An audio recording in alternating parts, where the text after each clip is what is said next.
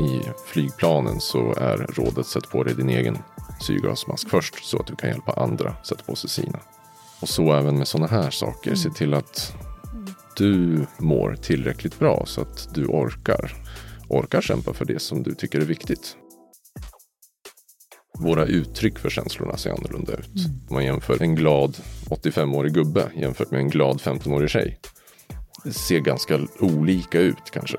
Mm. De är från helt olika världar och har således också helt olika uttryck de flesta som har varit med om svåra perioder, svåra saker i livet tänker ofta men hade jag fått valet så hade jag nog gärna sluppit. Liksom. Mm.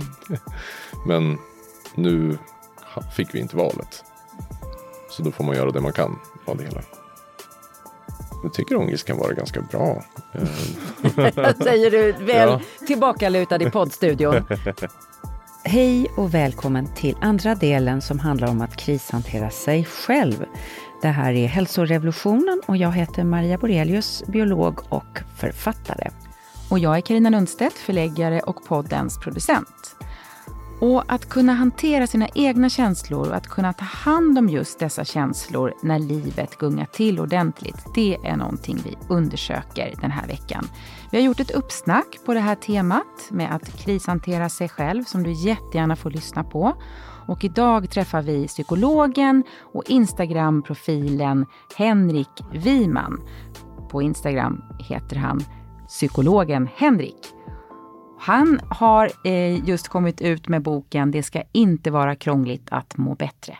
Mm, och nu har vi Henrik här i studion. Välkommen hit. Stort tack, vad roligt att vara här. Ja, och var kommer du ifrån idag?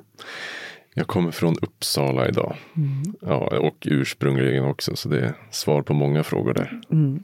Du, du har blivit jättestor på Instagram.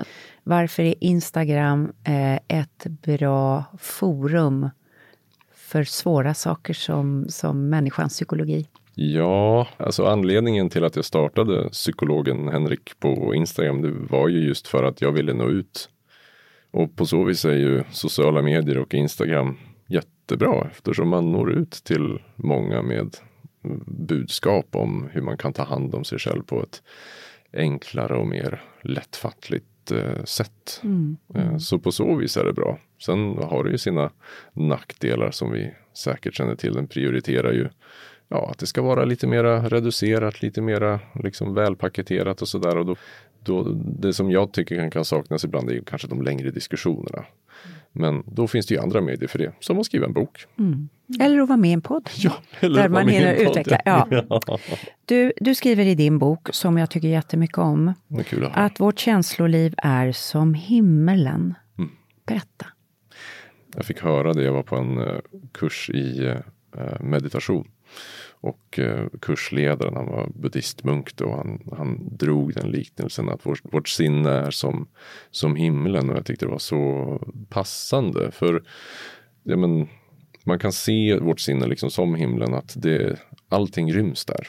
Det, vissa dagar kan det vara solsken, klara, klarblå himmel och allt känns bara härligt. Andra dagar kan det vara en mörk och grå novemberdag, bara moln, det kanske regnar. Det känns, och andra dagar är det kanske eh, åska och storm och det bara känns helt förfärligt. Och det kan växla fort också. Det kan växla väldigt mm, fort. Det kan växla. Jag tyckte det var en bra metafor. Mm. Och vi ska prata idag kanske främst om de molniga dagarna, eller hur? Lite orkandagar också. ja, Precis. absolut. Men det är ändå intressant, i att må dåligt kan stor samhörighet skapas. Varför bygger vi broar till varandra när det är jobbigt? Det är inte nödvändigt så att vi gör det när vi mår dåligt. Jag tror många kan känna igen sig alltså för någonting som jag ofta upplevt när jag mår dåligt, att jag ofta får svårare att bygga broar, att jag mm. ofta vill dra mig tillbaka sitta inne med mina känslor. Och det är någonting som jag själv har fått jobba ganska mycket med. Att tvinga mig till att, nej men, jag mår dåligt, prata om det Henrik, kom igen. Mm. Och Så jag tror att det är inte nödvändigtvis så att vi gör det, men att för att kunna ta oss igenom tuffa tider så behöver vi bygga de här broarna. Vi behöver öva på att känna samhörighet med andra, för då får man ju ofta reda på att man är inte så ensam som man kanske ursprungligen trodde. Mm. Men det finns väl också i de här nollpunkterna liksom en stor igenkänning med människor emellan i de här väldigt basala, eller hur? Mm. Rädsla, sorg, utsatthet. Alltså där kan vi verkligen förstå varandra. Mm. Och det kan man ju tänka skapar stor samhörighet, eller? Absolut. Det är ju bland det mäktigaste som finns i den människans upplevelse. Att verkligen på djupet få känna att men, du och jag, vi upplever samma sak eller har mm. upplevt samma mm. sak. Och att få skapa den kopplingen till varandra. Mm. Det är ju en, en känsla som är i sig svår att beskriva.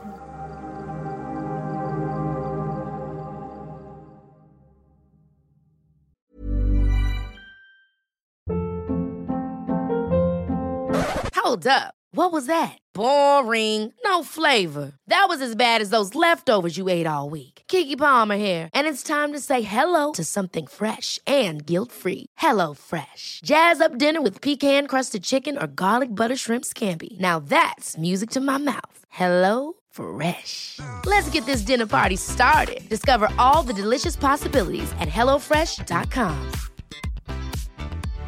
Hey, Dave. Yeah, Randy. Since we founded Bombus, we've always said our socks, underwear, and t shirts are super soft. Any new ideas? Maybe sublimely soft. Or disgustingly cozy. Wait, what? I got it. Bombus. Absurdly comfortable essentials for yourself and for those facing homelessness. Because one purchased equals one donated. Wow, did we just write an ad? Yes. Bombas. Big comfort for everyone. Go to bombas.com slash ACAST and use code ACAST for 20% off your first purchase. Hey, it's Ryan Reynolds, and I'm here with Keith, co star of my upcoming film, If, only in theaters, May 17th. Do you want to tell people the big news?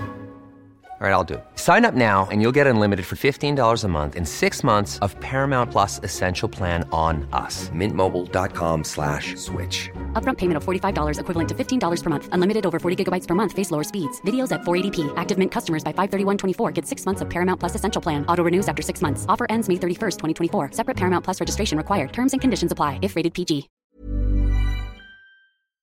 Vi pratade, Karina och jag, här i uppsnacket om det västländska samhället är ju ständig lycka normen. Det är stomatolleendet, det är Coca-Cola-annonserna, man bara hoppar runt, man är mm. super happy.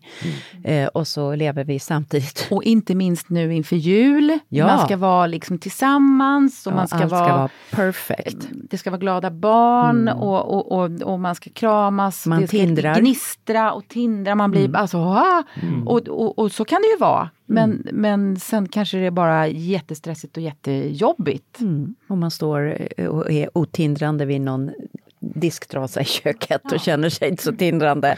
Men eh, den här, och, ja. den här lyckonormen, förväntan om ständig lycka, vad, vad gör den då med oss när vi är med om alla de här molniga grejerna, stormiga grejerna? Får oss att må ännu sämre, ofta. Att, uh, när vi Ofta så finns det liksom psykisk smärta ligger ju någonstans i klyftan mellan det förväntade idealet och verkligheten. Och ju större klyftan mellan de två sakerna är, desto mer lidande såklart. Och har vi en förväntan om att ett liv ska se ut som eh, rosor och lätta moln och, eh, och en lycklig jul och så vidare. Ja, då ligger ju idealet, förväntningen ligger ju jättelångt borta. Medan verkligheten kanske är någon helt annanstans. Ja, då, då blir det jobbigt. Men är det, då blir ju liksom frågan, är det bra att ha förväntningen på att livet ska vara skit? För då blir allt annat så här bra nyheter. ja, ja men alltså, det ligger ju någonting i det. Jag tror, jag tror inte att man ska gå runt och, och, och bara förvänta sig att eh, liksom, ja, nu kommer, alltså, nu, varje gång man runt ett, går runt ett hörn på gatan, någon kommer ge en käftsmäll. Det är kanske inte riktigt där vi ska nej, vara. Nej. Eh, men en, en dos realism? Ja, en, en dos mm. realism, absolut. Liksom att vi, så att vi inte går runt och, och tror att ja, runt varje hörn att man kommer vinna en miljon kronor. Mm. Utan se verkligheten för vad den är. Att runt hörnet så kommer ett nytt hörn. Kommer en ny gata, det det nya människor, kanske nya möjligheter, absolut. Mm. Men också nya saker som man behöver hantera. Mm. Någonstans ligger det ju i att verkligheten kan ju ofta vara som en stor tung sten i vägen för den. Och om man själv går in med inställningen att nu ska jag försöka putta bort den här stora tunga stenen, med andra ord, jag ska vara en stor tung sten tillbaka. Ja, då kommer man inte mm. någon vart. Liksom, då det, står man bara och trycker mot varandra.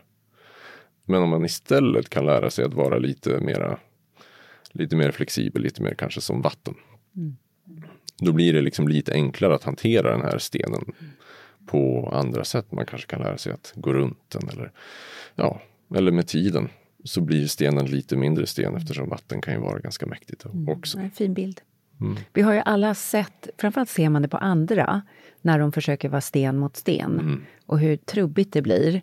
Och sen gör man ju själv sten mot sten ibland också, det är typiskt alltså.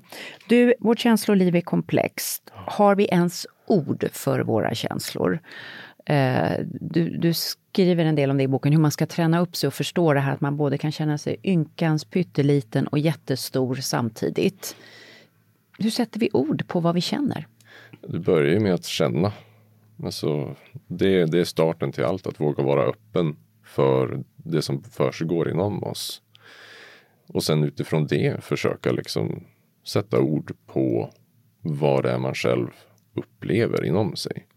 Det behöver inte vara exakta ord. Det behöver inte vara liksom så att man direkt hittar rätt. Man har rätt att vara lite trevande. Ja, mm. absolut.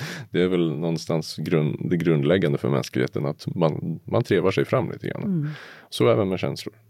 Um, och sen så är det också viktigt att komma ihåg att mitt ord för lycka är annorlunda från ditt ord och ditt ord. Mm. När jag känner lycka så kanske jag upplever något helt annat. Mm. Och det har ju mycket att göra med liksom våra respektive kontexter. Min uppväxt och liksom mitt liv har ju sett annorlunda ut från era mm. liv. Mm. Och så. Och på så vis så kan ju även våra uttryck för känslorna se annorlunda ut. Mm. Jag drar upp ett exempel i boken att om man jämför ett, alltså en, en glad 85-årig gubbe jämfört med en glad 15-årig tjej.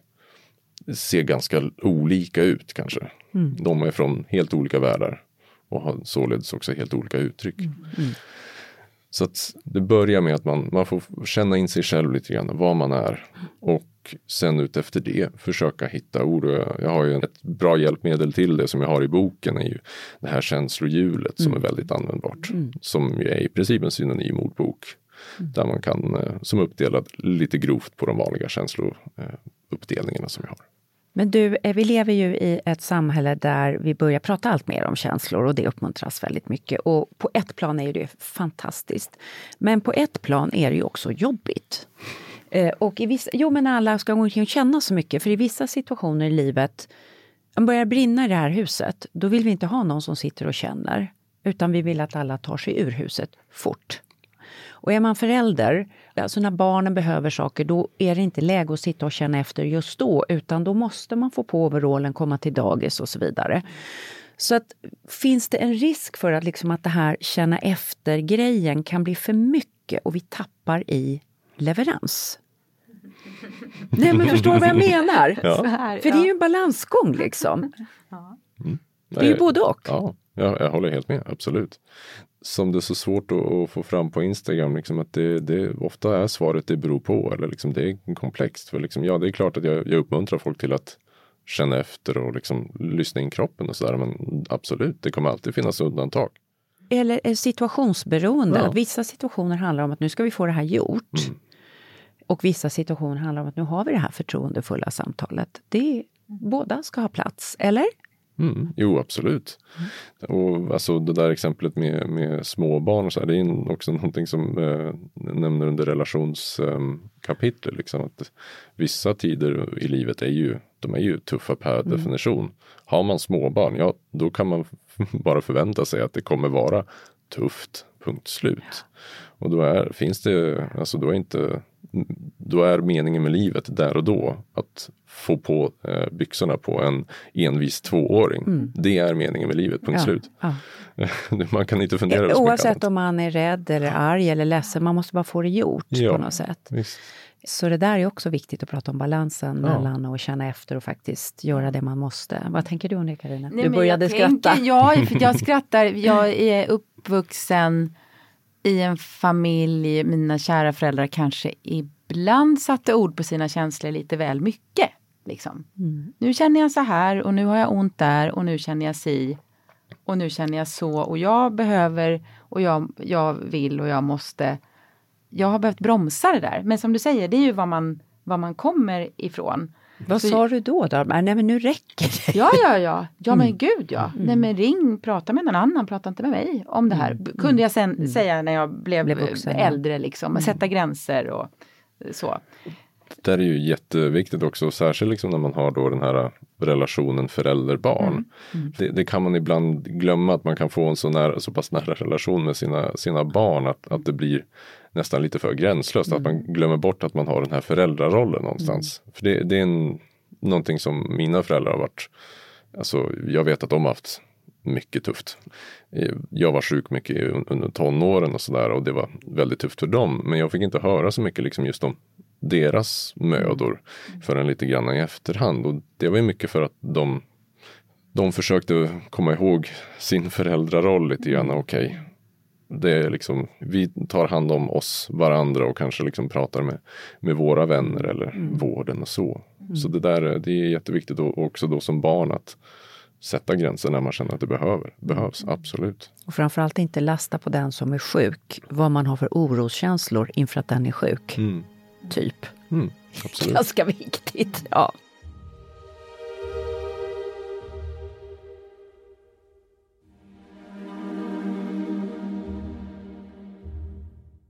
Jag blev nyfiken. Du berättade att du var sjuk mycket i tonåren. Mm.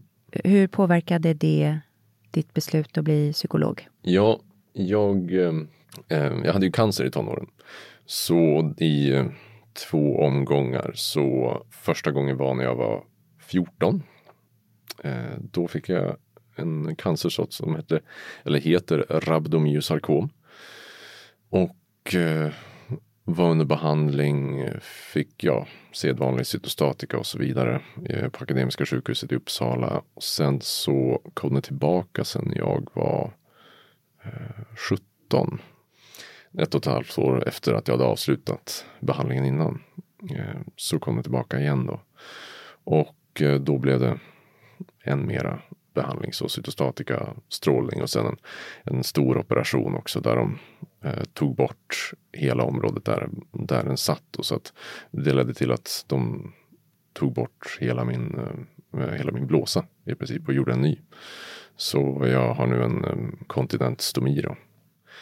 Och det var ju en, alltså det var ju en tuff period och, och hade jag fått välja såklart. Man pratar ju ofta liksom om att man lär sig av de här svåra perioderna i livet. Men jag tror att de flesta som har varit med om svåra perioder, svåra saker i livet tänker ofta, men hade jag fått valet så hade jag nog gärna sluppit liksom. men nu fick vi inte valet. Så då får man göra det man kan av det hela. Eh, ta med sig de lärdomar man, man kan i princip. Så det har ju påverkat mig som person. Absolut. Jag tror att den Henrik som sitter här idag är väldigt annorlunda än den Henrik som hade Eh, som kanske inte hade fått cancer. Men eh, det hade faktiskt inte jättemycket påverkan, alltså inte så mycket direkt påverkan på att jag valde att bli psykolog. Det gav mig en förståelse för de svåra sakerna i livet och har definitivt hjälpt mig i mitt kliniska arbete att eh, kunna koppla an och sätta mig in i andra människors situation. Eh, men det som mera påverkade mig det var alltså att bli psykolog. Det var två saker. Det var det första var min mamma, hon är kurator. Och eh, när jag var liten så ville jag alltid, ville jag alltid berätta om min dag. Det, varje kväll i flera år så inleddes nattningen med att jag sa Mamma, idag var det så här att och så babblade jag på. Det var sällan något jätteintressant säkert, säkert utan bara liksom jag, det jag tvingade fram. Ja, Ja. men visst. Och på rasten så gjorde jag det här och så vidare. Och mamma lyssnade. Jag kan ja, inte minnas liksom att det var någon kväll som hon inte lyssnade. Ibland sa hon, jag måste bara göra det här först, sen så kommer jag tillbaka. Jag tror det gav mig liksom en förståelse för kraften av att bli lyssnad på bara. Det är jätteviktigt. Och så, så det la liksom grunden. Och sen så på gymnasiet då läste jag en, den här boken av Henrik Fexeus, Konsten att läsa tankar. Och det tyckte jag var häftigt. Så jag tänkte, ja men psykologi kanske. Så sökte jag till psykologprogrammet efter, eh, efter att ha tagit högskoleprovet några gånger. Och Så på den vägen var det. Mm. Och av de här väldigt tuffa erfarenheterna, vad, vad du säger liksom, det är ingenting du hade önskat. Och det förstår jag ju helt. Men vad bär du med dig av den här liksom djupa, väldigt tidiga erfarenheten i livet? En tacksamhet, framför allt. Jag minns att det var en gång som satt i skolan. De hade en, en vid entrén så fanns det stora fönster som, man, som blickade ut mot lite träd och sådär. Och jag minns en gång när jag, jag tror jag var strax efter att jag var färdigbehandlad. Hade köpt en cola och en, en sån Delicato-boll i, i fiket. Och jag satt och bara blickade ut där. Och det var jag menar, en av de första gångerna som jag på djupet kände att jag var glad jag är att jag lever. Mm. Det var bara att få dricka lite cola, mm. lyssna på lite musik som var i skolhögtalarna och mm. titta på träd. Mm. Det, var, det var tillräckligt. Mm. Det är tillräckligt. Ja, mm, det, är tillräckligt. det är precis så fint. Och, så det, det försöker jag bära med mig. Jag glömmer det jämt och ständigt såklart. Kan det, komma, kan det komma rädsla för att det här ska komma tillbaka? Ångest? För att cancern ska mm. komma tillbaka? Mm. Jo, alltså jag är väl inte jätterädd för att specifikt cancern ska komma tillbaka. Men jag kan definitivt eh, känna oro över att min hälsa ska försämras mm. mm på olika sätt. Hur möter du själv då det med dina egna tekniker? Du pratar om läkande cirkeln och undvikande cirkeln ja. för jobbiga tankar. Hur, hur, hur kan man? Ja, precis. Alltså det, sådana saker, då, det, alltså med, um, med min oro för en eventuell sämre hälsa i framtiden. Mm. Den bemöter jag lite mera likt jag bemöter klimatångest eller mm. ångest för sådana saker. Att jag försöker göra liksom det jag kan. Försöker ta hand om min kropp så gott jag kan. Träna eh, i rimlig mängd. Äta tillräckligt hälsosamt. Och eh, se till att jag mår bra under den tid jag har här mm. på jorden. Och det är väl i princip det jag kan göra. Alltså är det så att skit händer i framtiden att ja, min stomi börjar knasa eller att det händer något annat. Så det kan jag inte, det kan jag inte styra över så att jag, mm. får jag, jag börjar med att fokusera på mitt och så får mm. jag försöka bara låta det andra bero. Ibland mm. pratar jag om det. Jag har en sambo som jag pratar om det, eh, det här, absolut. Mm. Eh. Så fint att du, tack för att du delar för att då får vi en förståelse för att det du lär ut är också kommer ur djup egen erfarenhet, både professionell kunskap och djup egen erfarenhet.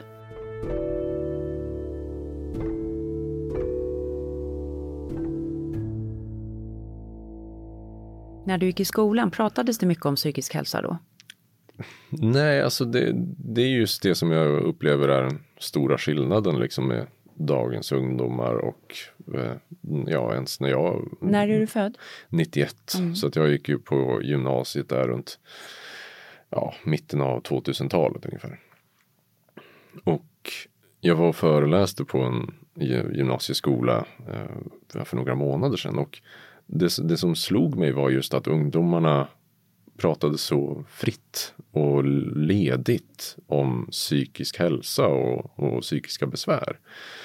Alla visste vad BUP, barn och ungdomspsykiatrin, var för någonting. Jag hade aldrig ens hört talas om ordet när jag var 14, 15, 16 år. Så det är ju någonting liksom i att vi nu när vi kanske hade då tidigare en lite för lite fokus på det så har nu kommit en känns det som att det i alla fall kommit lite av en motreaktion. Att man kanske har väldigt stort fokus på det. Mm. Jag anar att vi kommer hitta någon, någon, form av balans i det hela som det brukar ofta bli. Mm. Pendeln svänger åt det ena och åt det andra hållet. Eh, men ja, det är intressant. Det är det. Mm. Du, eh, du har i början av din bok en pyramid ja. om att bygga den psykologiska hälsan från grunden. Och eh, eftersom jag är biolog så blir jag lite kär i den. Eh, de grundläggande byggstenarna handlar om saker som sömn, motion, näring, trygghet, även rutiner kommer sen nästa nivå. Varför är det så viktigt att få koll på den här nederdelen av pyramiden först? För att det kan vara ganska förvirrande ibland att veta vart man ska börja. Liksom. Men man kanske känner att det är någonting som inte riktigt står rätt till med ens psykiska hälsa på ett eller annat sätt. Och ofta, för de allra flesta, så man märker först att vänta, jag mår inte så bra. Och när man sen kommer till frågan, men varför? Så har man sällan något bra svar. Mm. Och just därför så kan det vara bra att bara fundera över, okej, okay, men vi bygger upp basen först. Vi bygger upp kroppen först. Se till att den mår så bra som den kan, för då har man i alla fall en pusselbit klar. Och det påverkar ju hjärnkemin, påverkar känsloliv och så vidare. Absolut, mm. Mm. visst. Men det är intressant att du skriver det här för att jag drog mig till minnes en situation med en av barnen. En elev var väldigt utåtagerande i en skolklass och eh, sen kom den här flickan, det här är väldigt länge sedan, hon var nio år gammal, hem och skulle sova hos oss. Och eh, då märkte jag att hon kunde inte gå och lägga sig på kvällen för att det visade sig att hon gick och la sig liksom klockan 12, 1, 2 på nätterna hemma.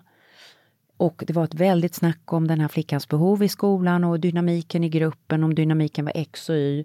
Och då tänkte jag bara så här som en morsa liksom, men lilla vän, tänk om du gick och la dig 9, 10, 2, 3 veckor. Så bara, det vore intressant att se vad som hände då. Var jag för trubbig då eller? Det var, mm. Då hade jag känsla för din pyramid på något mm. sätt. Ner i pyramiden först och kolla att basen funkar. Absolut. Är det så man ska använda den? Ja, alltså jag kan ju någonstans förstå liksom att lärarna började, lärarna började fundera på gruppdynamiken. Jo, men de visste ju säkert inte om det här Nej, som precis. jag fick se då. Ja, ja men eller hur. Och vi drar oss ju väldigt mycket som, som svenskar för att gå och berätta för andra föräldrar hur de ska uppfostra. Hur ja, de, ja. Det, det, det, är, det är precis. Ja. Och eh, jag tror inte heller att lärarna kanske frågade det. Eh, Okej, okay, mm. gruppdynamik, men jag menar ett barn som inte får sova blir väldigt ja. högkänsligt till exempel och kommer reagera på väldigt mycket saker. Mina mm. barn också, och jag själv också. Ja. Det är, så är vi människor. Ja, men det, är, det är bara det är en naturlig konsekvens av det. Vem som helst blir så. Vi eh, gjorde ett avsnitt för ganska, ja för inte så länge sedan med en lärare som skrev till oss, Malin Siljedal, mm. som, som just hade observerat hur eleverna inte tog hand om den här baspyramiden. Mm. Och att väldigt mycket av den problematik som finns i, i skolan eh, ja, men kan handla om att väldigt många är supertrötta. Ja. Eller, och då är du i kris. Ja, ja. Eller inte eh, har ätit ordentligt och ja, har för lite energi. Och det kan ju såklart vara konflikter hemma och en massa andra mm. saker också. Men hon uttryckte ju att hon var rejält bekymrad liksom över just att de här grundläggande behoven inte tillgodoses. Mm. Mm. Jag tänkte den här pyramiden borde mm. vara ute i varje klassrum. Nej men den är så mm. bra och mm. att just man bygger människan nedifrån i ja. det här. Va? Ja men absolut mm. och så även barn. Och, alltså, jag menar Vuxna har ju, många, inte all, långt ifrån alla, men många har ju i alla fall lärt sig någorlunda hur man hanterar sig själv när man är trött och grinig. Man kanske mm. kan kommunicera, men jag är trött, det är mm. inte du, det är därför jag är lite mm. putt idag. Mm. Eller man kanske har lärt sig, men då behöver jag ta hand om mig själv på det här viset istället. Men ett barn kan ju inte det. Nej. De har inte det, det ordförrådet eller den liksom insikten om men varför mår jag så dåligt. För där och då är det ju bara att det är jobbigt. Mm. Liksom direkt. Det är det enda de har. Mm. Väldigt sant. Så att, då behöver ju vuxna vara där och hjälpa till med att basen byggs lite bättre, absolut. Jag menar de flesta som du säger vuxna vet att till exempel träning, sömn och mat ger bra effekt på känslolivet så kan det ju vara svårt om man hamnar i stora känslostormar så sätter det goda vanor ur spel och då orkar man inte bygga. Så till exempel om man är med om eh, kriser på jobbet så kanske man inte orkar gå och träna, man har problem i äktenskapet, man sover dåligt på natten, eh, någonting annat händer, man börjar tröstäta massa eh, grejer som man kanske inte mår så bra av. Om man hamnar i de här som lite sämre spiralerna, vad kan vara bra bryttekniker då för att liksom komma in i bra vanor igen? Ja, jag tänker att det första steget där är ju att börja med att ha en acceptans för att de här situationerna dyker upp. Även om man pratar mycket om liksom så här gör du för att hålla vanorna, så här, här så här kan du göra och ta mini, ministeg och göra, sätta upp små mål och så vidare. Så är det sällan så livet fungerar utan livet går ju lite, lite grann i perioder. Mm. perioder så klarar vi av att träna och äta gott och, och träffa våra vänner. Och i perioder så sitter vi sönderstressade framför en dator och sliter vårt hår. Så att börja med att ha en acceptans och att erkänna liksom så som man mår just nu. Men just nu mår jag skit. Punkt slut. Jag tycker inte om det här. Jag tycker det känns jobbigt. Och så är det. Jag kan inte just nu göra så mycket åt de känslorna som jag har. Mm. Kan göra saker i framtiden. Men just nu känner jag som jag känner. Så att bara ha den här öppenheten är A och O i för att kunna bryta det. För att kunna göra en förändring. Mm. Så det är första steget. Sen utifrån vad man känner att man behöver. Som sagt, det kan, vissa kan det vara just att man behöver komma ut och träna. För andra är det att träffa vänner som är första steget. Mm. Det vet ja, både ni och äh, lyssnarna bäst själva vad som är det som man mest behöver i de tuffa stunderna. Mm. Och försök, gör det. Om det inte går, försök imorgon. Mm. mm. Jag tänker lite som det här med overallen som du tog mm. innan. Mm. Om man har haft eller har småbarn. Att man kan minnas hur det bara, nej men alltså kommer det vara så här? Mm. Ska han ligga här och skrika på golvet och vi får inte på kläder och vi kommer inte iväg och jag kommer för sent till jobbet. Och, ja men alltså någon, någon slags vardagskris. Men så fort man kommer ut så var det som att det bara, mm. allt blev bättre. Mm. Så jag tänker när man mår själv lite dåligt. Mm. Går man ut och bara går ett kvarter. Så mår man ju lite bättre. Det, Ja, men det, det är det. Ma magiskt. Ja, det, det ja. ja, ja, för mig är det en sån här instegsteknik. Liksom, ja. att allt, jag blir alltid, men, men det är ju olika. En del har behov av mänsklig kontakt, och, precis som du säger. Men, men visst. Du skriver väldigt fint om ångest och kris, de här svåraste stunderna. Man kan ju tycka att det är jäkligt konstigt med ångest. Mm. Varför evolutionärt finns ångesten kvar? Egentligen borde ju ångesten vara bortsorterad. Men den måste ju ha någon fördel eftersom den lever kvar i våra psyken. Och vad är det den ger oss? Ja, precis. Alltså, jag tycker ångest kan vara ganska bra. Säger du väl ja. tillbakalutad i poddstudion. Ja. jo, men precis. Ja, eller hur? Alltså, om man ska vara lite krass så är jag, jag, alltså, jag tjänar ju mina pengar på grund av att människor har ångest. Att, ja, det, det, det är okej. ja, nej, det, skämt åsido, mitt mål är att folk ska må bättre och slippa känna ångest. Att det, det är det jag jobbar för. Jag vill ju göra mig själv arbetslös, mm. absolut. Mm. Men jag vet också att det kommer inte ske. Mm. Eftersom ångest har vi ofta, alltså det är ju ett sätt för kroppen att markera hot. Om eh, stress, om vi har stress liksom vars fokus är att lösa problem, att försöka ta sig igenom hinder i vår vardag, så är ångest ett sätt för kroppen att markera att nu är det någonting hotfullt här. Nu vi ska ha det, det är ett skydd mot fara. Ja men precis. Ursprungligen. Ja. Men sen kan det bli något annat också. Absolut, mm. det kan ju bli förlamande. Mm. Det kan ju bli så pass, så pass mycket, så även med stress. Liksom. Det är att man kan bli så pass stressad att ja, man går in i väggen. Eller man kan få så pass mycket ångest att man får en panikattack eller eh, får ångest över allt möjligt som är generaliserad ångestsyndrom eller ja, specifika fobier och så vidare. Så ska vi skilja på ångest som man får på grund av att det är en verklig fara och hot som kommer utifrån och mer panikångest som handlar om att nästan kroppens nervsystem lurar en. Mm. Att något farligt är på gång. Ja, alltså jag tänker man kan skilja det på alltså när det är i en användbar mängd och när det är i för mycket mängd. Mm. kan vi säga. För allting som är för mycket blir ja, per definition för mycket. Mm. Och då blir det svårt för oss att hantera. Mm. Så och jag brukar också uppmuntra folk liksom att ha inte som mål att bli av med ångesten. Ha som mål att lära dig hantera den så att den blir hanterbar. Och så att det blir en, en mera rimlig mängd. Mm. Alla känner ångest då och då. Det är inget ingen större konstigt med det. Så bara för att man känner det ibland, det är bara tecken på att man är en fullt fungerande vanlig människa. Mm, mm. Snarare ett, alltså ett sundhetstecken om något. Mm. Men det är när man börjar märka att okej, okay, men det här påverkar mig mycket i min vardag. Alltså när man, ja, man man börjar, ja, men jag oroar mig för allt i min omgivning. Jag oroar mig för att, uh, in, inte bara för de stora sakerna om krig och kriser utan även för att hur, hur ska jag hinna liksom, handla allting? Eller mm. vad kommer hända imorgon när jag ska ta, ta tåget och så vidare. Det är då man kan behöva ta till de här verktygen för att hantera det så att det blir mer hjälpsamt. Mm.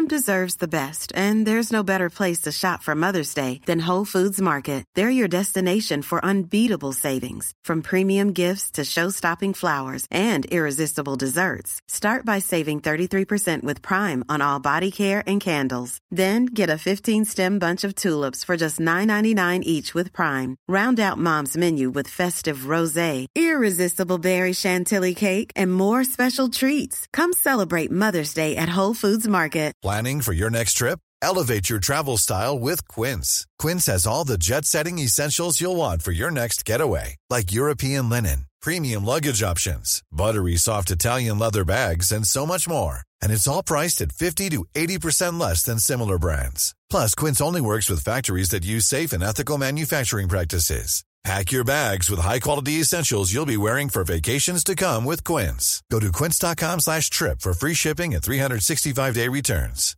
Cool fact, a crocodile can't stick out its tongue. Also, you can get health insurance for a month or just under a year in some states. United Healthcare short-term insurance plans, underwritten by Golden Rule Insurance Company, offer flexible, budget-friendly coverage for you. Learn more at uh1.com. Du skriver i boken om till exempel klimatångest. Vad tänker du om det? Om klimatångest mm. specifikt? Mm. Ja, eller generellt ångest för väldigt stora skeenden i världen som har liksom en väldigt stor påverkan.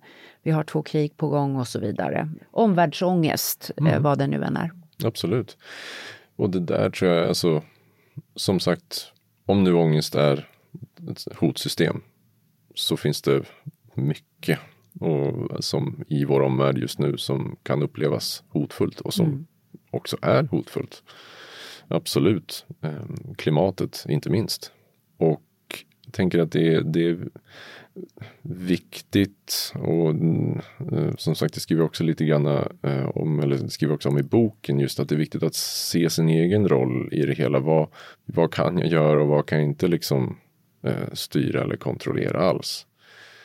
Och försöka fokusera på en själv, sin sfär, ta hand om sig själv. Det finns ju en vanlig metafor med um, syrgasmasken mm. på flygplan. För en som inte har hört den är det att när eh, syrgasmasken ramlar ner på um, i flygplanen så är rådet sätt på dig din egen syrgasmask först så att du kan hjälpa andra sätta på sig sina. Och så även med sådana här saker. Mm. Se till att du mår tillräckligt bra så att du orkar. Så att du orkar kämpa för det som du tycker är viktigt. Mm. Om det är just klimatet eller om det är just krig som du vill hjälpa de drabbade. Ja men se till att du inte tar ut dig själv. Se till mm. att du får ditt syre i tillräcklig mängd. Mm. Så att du också kan orka ta hand om det som du brinner för. Mm. mm just att hugga ut en liten del av verkligheten och göra någonting konkret där. Precis. Ja, mm. men precis. Du, ett intressant eh, strategi du hade, som jag aldrig har stött på, det är att man ska tala om sin ångest i tredje person för att på djupet kunna känna att man inte är sin ångest. Det där är spännande. Mm. Så låt oss säga att jag har eh, ångest för att något ska hända mina barn. Hur pratar jag om det i tredje person? Hur skulle det låta då?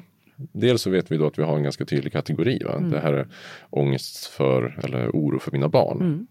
Så då skulle jag väl kanske antingen, då skulle jag döpa den kategorin till de tankarna den, mm. eller den känslan till någonting. Alltså ja, kanske då väldigt kon konkret det här är barnoron igen mm. som spökar. Nu kommer barnoron ja. Nu kommer barnoron. Man kan också döpa den till något mer avdramatiserande som mm. ja nu, nu kommer eh, det blå monstret igen mm. Eh, och, och, spökar. Eller nu mm. kommer Kurt. Han döper till Kurt? Ja. ja det... no...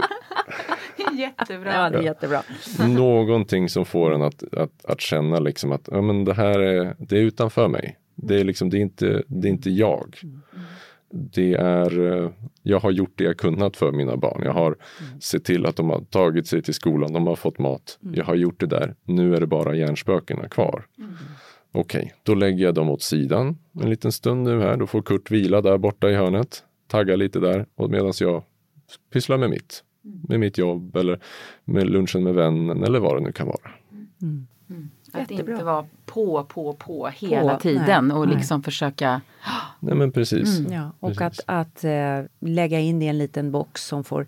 Det är väldigt intressant för när man vaknar där klockan fyra på natten så tror jag att de flesta känner igen att det är då man har sina, det är då, då är Kurt liksom, alltså Kurt är superaktiv eller vad man nu mm. har, Elvira eller vad, vad man nu kallar sina monster. Ja. De är igång som 17 på natten. Mm. Varför är det med klockan fyra sådär en bra Kurt-timme? Ja. ja precis, ja, det var faktiskt en, en, en följare som skrev att hen hade döpt sina sådana tankar liksom till klockan fyra tankarna. Mm. För det var varje, varje natt klockan mm. fyra mm. så dök de där upp. Mm. Och jag tror väl att jag, jag har inget eh, alltså konkret så här är det men om jag får gissa lite grann så tror jag väl att det har väl att göra med att då finns det inte så mycket annat att tänka på. Så då får det ta stor plats, ja. ja. Jag hör, läste någonstans någon spekulation om det var så att de här lite mer dämpande, rationella centra i hjärnan vilar då. Mm. Så det här som vi i vanliga fall har, det här filtret att kunna titta, är det här rimligt, är det inte rimligt? Alltså Kurts balanserare mm. sover då. Så det är därför Kurt blir så stor, så att säga. Jag vet inte, men det är spännande. Många har det här, mm. tror många känner igen det. Har du det mm. också Karina? Klockan fyra? Ja, men och jag, jag också eh, relaterar till eh, när jag har varit ensam tonårsmamma under några år. Så det har varit jättejobbigt och mycket oro men det, men det kom till en gräns där jag just sa nej men nu, alltså, det, det, här drabbar bara mig. För det, det har ju gått bra, det är ju inte så att det liksom sonen Verkligen. i fråga missköter sig mm. eller kommer hem senare eller, eller ja. Så att jag fick bara säga nej men nu räcker det. Och då var det just det här platt, plats i korgen. Fido. Fido, oroshunden där. Mm. Och bara, nej men det, det hjälper inte mig det minsta. Och jag mm. har telefonen här, skulle det vara, behöver han mig så ringer han, mm. hoppas jag. Eller någon kompis till honom. Och annars så gör jag bäst i att försöka sova och ta hand om mig själv. Mm. Så det var, det, det, men det, det tog ganska många nätter innan jag liksom bara skärp dig. Det här blir bara en slags dålig spiral. Så. Men det är också för att det förväntas kanske av en tonårsförälder att vaka, att vara så här liksom. Och helst ska man vara två som kanske turas om. Nej, men det där måste ju vara en modern, nu, nu blir ja. jag sån här bara evolutionär biolog. Ja, ja. Inte satt några Nej. Alltså, det där, inte satt några 1600-talsmänniskor och vakade. Nej men jag vet men det, det, det måste vara något ja, på. Nej men alltså vi, vi är ju mera Curling. Eh, curlar och är ju liksom ständigt jourhavande ja. föräldrar. Och det kanske är mer och, hotfulla saker idag i och för sig. Kanske Nej, men det måste funnits faror på 1600-talet. Hur, hur? Det också att vi kan se ju var våra barn befinner sig och, där, och, nu skulle de till den baren, va men nu är de en kilometer bort åt andra hållet, vad händer nu? Ja, ja och så. Vilket är ju det vanliga att man, i, barnen vet om och man vet var de är och man, man finns till hands men man måste ju Ja, det, det, det måste balanseras för att annars ja. blir det ju ångest i onödan. Nej, absolut.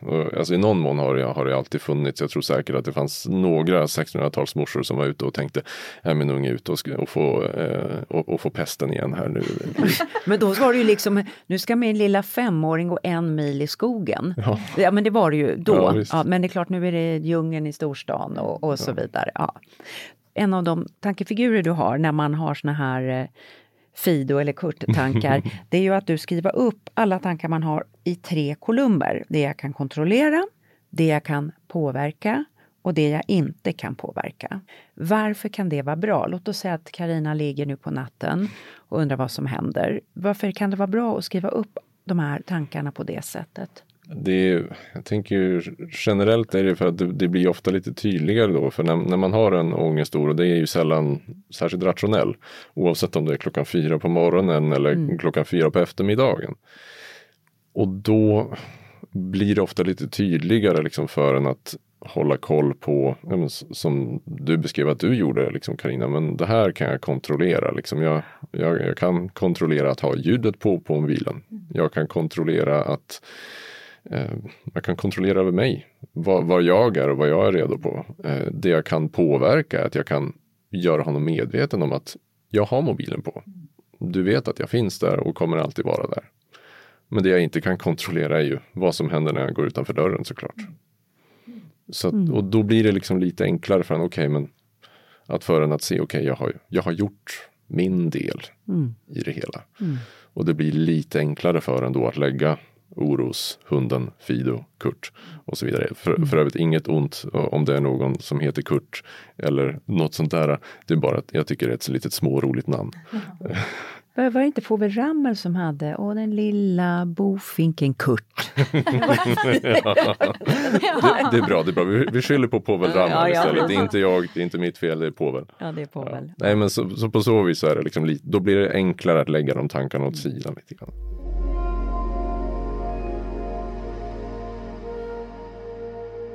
Får jag bara lägga till en liten reflektion? Alltså det, för jag tycker det är så spännande det här med kontroll. Vi har ju så mycket mer verktyg idag för att kontrollera eh, vår närmaste omvärld som vi pratar om och oss själva, hur vi mår och vi mäter och vi, ja, i liksom i ett gott syfte. Hur ska man kunna balansera det här? Alltså jag, jag kan tänka när jag ser på människor i min omgivning och på mig själv i perioder att när jag har försökt att liksom kontrollera för mycket så har det lett till mer ångest. Hur tänker du där? Och det där är ju någonting som jag möter eller möter dagligen liksom när jag hade patienter nästan just att när vi känner osäkerhet inför livet så brukar vi ofta möta det med att försöka få mer säkerhet, få mer information, få kontroll som du beskriver. Det man hoppas ju är ju att få någon form av lugn. Att man känner, ja bara jag får reda på det här så kommer jag känna mig lugn. Dessvärre funkar det inte så. Utan ju mer man jagar kontroll, desto mer osäker blir man. Det här är också en del som något som jag skriver om i, i, i boken under just ångest eftersom liksom det är en, den här eh, som man kallar för intoleransen för osäkerhet. Eh, den ligger till grund till många av våra eh, ångestbesvär. Och lösningen är ju då inte att jaga kontroll. För mycket vill ha mer. Om vi, om vi jagar kontroll, får lite kontroll, då kommer vi bara vilja ha ännu mera. Utan lösningen där ligger i att bli bekväm med, det osäkra. Att söka mindre kontroll. Inte alltså, tillräckligt lite om man säger så. Inte eh, släppa sig vind för våg. Men eh, ett konkret exempel om man säger att man med sömn. Där finns det jättemånga appar och klockor och man ska mäta sin sömn. Ja, och så vidare. Och det kan vara jättebra för många. Samtidigt så kan det också vara någonting som man kan stirra sig blind på.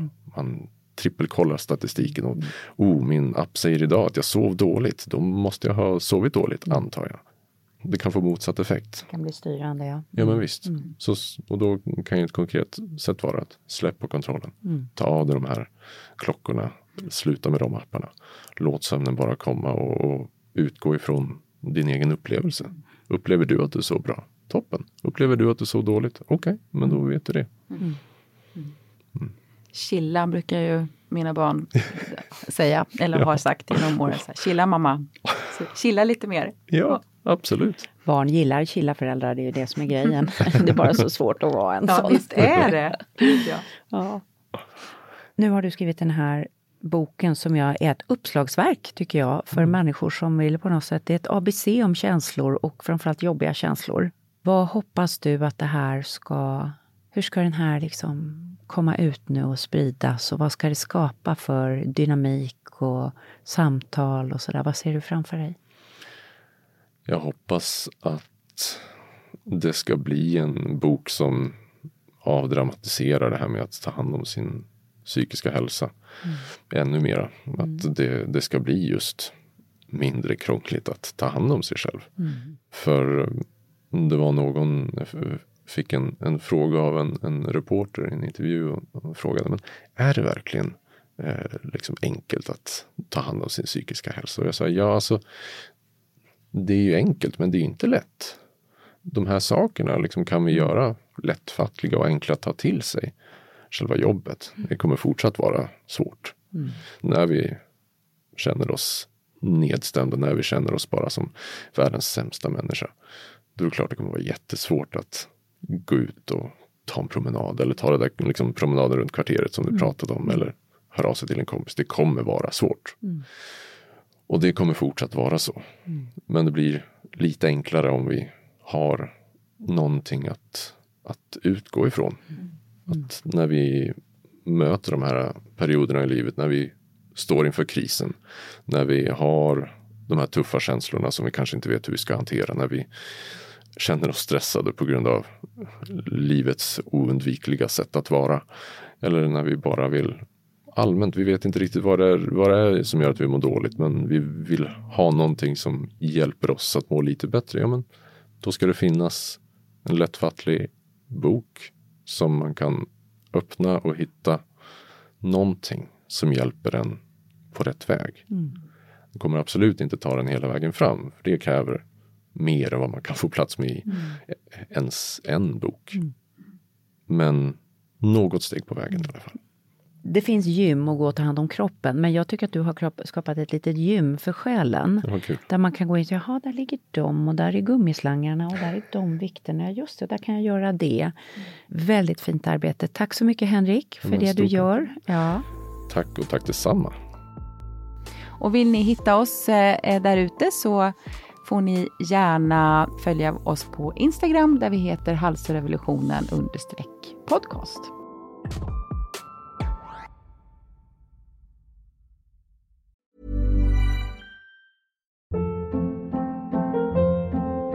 Hold up. What was that? Boring. No flavor. That was as bad as those leftovers you ate all week. Kiki Palmer here, and it's time to say hello to something fresh and guilt-free. Hello Fresh. Jazz up dinner with pecan-crusted chicken or garlic butter shrimp scampi. Now that's music to my mouth. Hello Fresh. Let's get this dinner party started. Discover all the delicious possibilities at hellofresh.com. This message comes from BOF sponsor eBay. You'll know real when you get it. It'll say eBay Authenticity Guarantee. And you'll feel it. Maybe it's a head turning handbag, a watch that says it all, jewelry that makes you look like the gem, or sneakers and streetwear so fresh every step feels fly. eBay gets it. So look for the blue check mark next to that thing you love and be confident that every inch, stitch, sole, and logo is checked by experts. With eBay Authenticity Guarantee, you can trust that feeling of real is always in reach. Ensure your next purchase is the real deal. Visit eBay.com for terms. Even when we're on a budget, we still deserve nice things. Quince is a place to scoop up stunning high end goods for 50 to 80% less than similar brands. They have buttery soft cashmere sweaters starting at $50, luxurious Italian leather bags, and so much more. Plus, Quince only works with factories that use safe, ethical, and responsible manufacturing. Get the high-end goods you'll love without the high price tag with Quince. Go to quince.com/style for free shipping and 365-day returns.